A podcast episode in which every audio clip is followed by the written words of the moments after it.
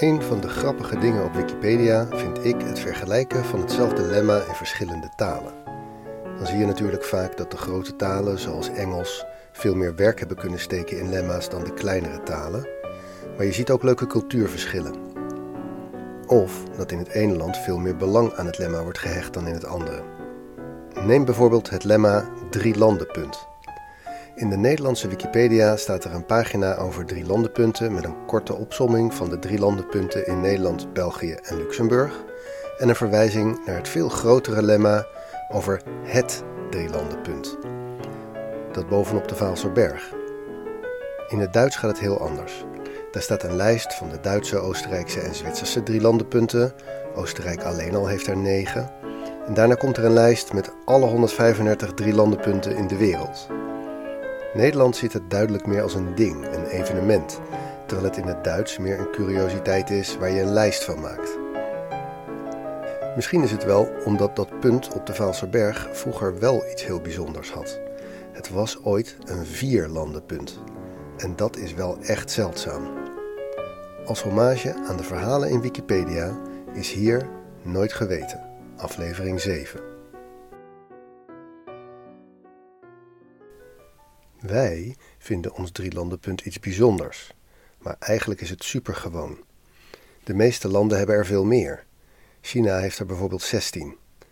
Je hebt er natuurlijk minstens twee buurlanden voor nodig, dus eilanden zoals Malta of Australië hebben er helemaal geen. Of landen met maar één buurland, zoals Portugal. Ook geen drielandenpunt. Zelfs sommige landen met meerdere buurlanden hebben er geen, bijvoorbeeld de Verenigde Staten. Maar dat is eigenlijk veel bijzonderder dan wel een paar drielandenpunten hebben. Wat echt heel bijzonder is, is een vierlandenpunt. Er bestaat op dit moment geen enkel vierlandenpunt tussen onafhankelijke staten.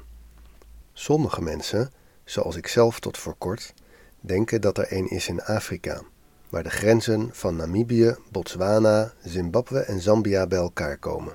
Maar dat is toch niet zo. Dat punt zou moeten liggen in de rivier de Zambezi.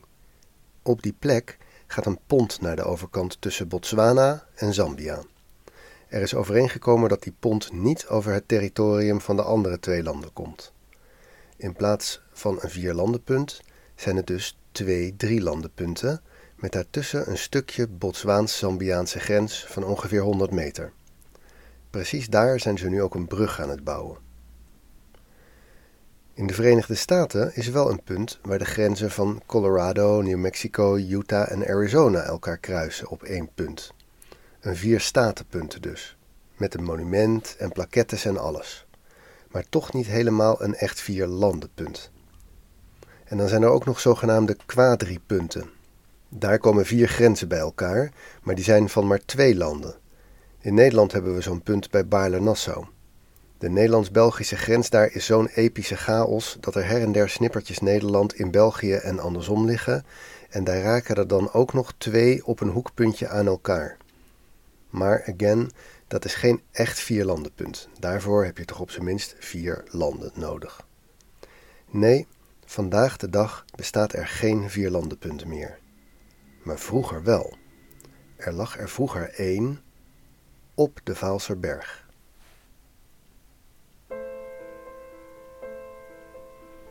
We schrijven 1815. Eerst de Franse Revolutie en daarna Napoleon Bonaparte hebben de afgelopen 40 jaar Europa veranderd in een rokende, instabiele puinhoop. Er is behoefte aan stabiliteit en in de hogere kringen van veel landen wil men nog steeds graag alle ideeën van de revolutie terugdraaien. Om dat te regelen organiseren de grote mogendheden van Europa in Wenen een congres. Het Congres van Wenen.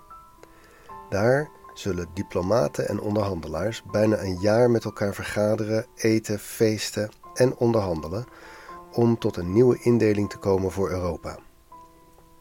Er wordt heel veel teruggedraaid, maar ze willen ook graag dat er om Frankrijk een soort ring van bufferstaten komt, zodat de grote mogendheden niet te snel meer met elkaar slaag zullen raken.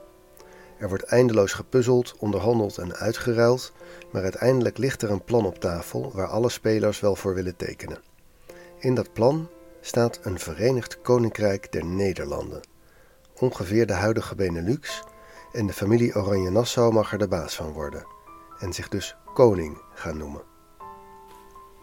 Bij het congres waren allemaal gedetailleerde afspraken gemaakt over de loop van de grens van de nieuwe landen. Maar een stukje ten zuiden van de Vaalserberg ging iets mis. Er stonden twee artikelen in het Weense verdrag die elkaar tegenspraken. Het was dus onduidelijk of het dorpje Kelmis bij de Nieuwe Nederlanden of bij Pruisen hoorde. Dat zou normaal nog niet zo'n punt zijn geweest, maar op dat stukje land lag een zinkspaatmijn. En die wilden de Nederlanders en de Pruisen allebei niet kwijt. Zinkspaat is een mineraal waarmee je zink kan maken. Ze kwamen er niet uit en besloten het gebied voorlopig dan maar het onverdeelde gebied van Moresnet te noemen. Het was een langwerpige strook land die naar het noorden in een scherpe punt uitliep. Die punt lag precies op de Vaalserberg. Afgesproken werd dat er een commissie zou komen die de verdeling van het gebied zou gaan bekijken. Maar dat gebeurde dus nooit. En zo ontstond er op de top van de Vaalserberg een drielandenpunt tussen het Verenigde Nederland, Pruisen en neutraal Moresnet. Vijftien jaar later al viel het Verenigde Koninkrijk uit elkaar. De Belgische Revolutie van 1830 zorgde voor een nieuwe grens. De provincie Limburg werd opgedeeld in een Belgisch en een Nederlands deel en de grens eindigde precies op de Vaalserberg. En toen was er dus een vier-landenpunt van Nederland, België, Pruisen en neutraal Moresnet. De Nederlandse claim op Kelmis en de mijn ging over op België. Zowel Pruisen als België stelden een commissaris aan en die Belgische en Pruisische commissaris bestuurden samen het gebiedje. Voor de inwoners van Kelmis had de vreemde situatie voor- en nadelen. Het was nooit helemaal duidelijk welke nationaliteit ze hadden en dat kon onhandig zijn. Maar ze waren ook niet dienstplichtig en ze betaalden lang niet alle belastingen die je in Pruisen of in België had moeten betalen. Toen de mijn uitgeput raakte, werd de neutraliteit van het gebiedje meer een soort curiositeit. Er was een kleine onafhankelijkheidsbeweging die streed voor een echte soevereine status. Ze gaven ook postzegels uit die nu extreem zeldzaam en duur zijn. En ook was er een plan om Moresnet het centrum van het Esperantisme te maken, dus van de kunstmatige taal Esperanto. De bevolking leek er wel voor te porren om allemaal Esperanto te leren, als het hoofdkantoor van de Esperanto-beweging dan in Kelmis zou komen. Dan zou het landje zijn eigen taal hebben en de taal zijn eigen land. Maar de leiders van de beweging bleven toch liever in Genève wonen, dus het hoofdkantoor kwam niet. En toen nam de animo om allemaal Esperanto te leren ook snel af. Het verhaal van neutraal Morisnet eindigde in de Eerste Wereldoorlog. Eerst veroverden de Duitsers het, toen ze België binnenvielen. Aan het eind van de oorlog werd het gebied geannexeerd door België. De Vaalse berg werd weer een drielandenpunt. Blijft de vraag: was de Vaalse berg nou wel een echt vierlandenpunt toen neutraal Morisnet nog bestond? Critici zeggen dat je daarvoor vier gelijkwaardige echte landen nodig hebt, terwijl Morisnet niet echt onafhankelijk was. Eerder was het onduidelijk bij welk land het hoorde. De Duitsers en de Belgen waren allebei een beetje de baas. Zoiets heet een condominium, en dat is toch niet helemaal hetzelfde als een soevereine staat. Maar het is wel het dichtst bij een echt vierlandenpunt wat we ooit geweest zijn. En niet in een rivier of midden in een meer, je kon erop gaan staan. Nog steeds trouwens.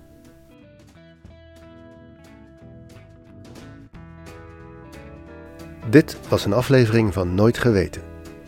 In de show notes vind je links naar verschillende Wikipedia-lemma's waarop deze aflevering gebaseerd is. Alle muziek die je hoorde is gespeeld, geproduceerd en soms ook gecomponeerd door Kevin MacLeod. Links naar alle stukken vind je in de show notes. Research, productie en presentatie door mijzelf, Teun Duinstee. En natuurlijk door al die duizenden die bijdragen aan Wikipedia. Nooit Geweten is beschikbaar op alle grote podcastplatforms, zoals Spotify en iTunes. Als je wilt helpen, laat daar dan een review achter. Voor vragen of opmerkingen heb ik tegenwoordig een Twitter-account. Apenstaartje Nooit Podcast. Helemaal aan elkaar. Als je graag een donatie wil doen, doe dat dan aan de Wikimedia Foundation, de stichting achter Wikipedia. Iedereen die internet gebruikt op zoek naar betrouwbare informatie zou toch eens per jaar een klein bedragje moeten doneren. Het is een donatie aan jezelf.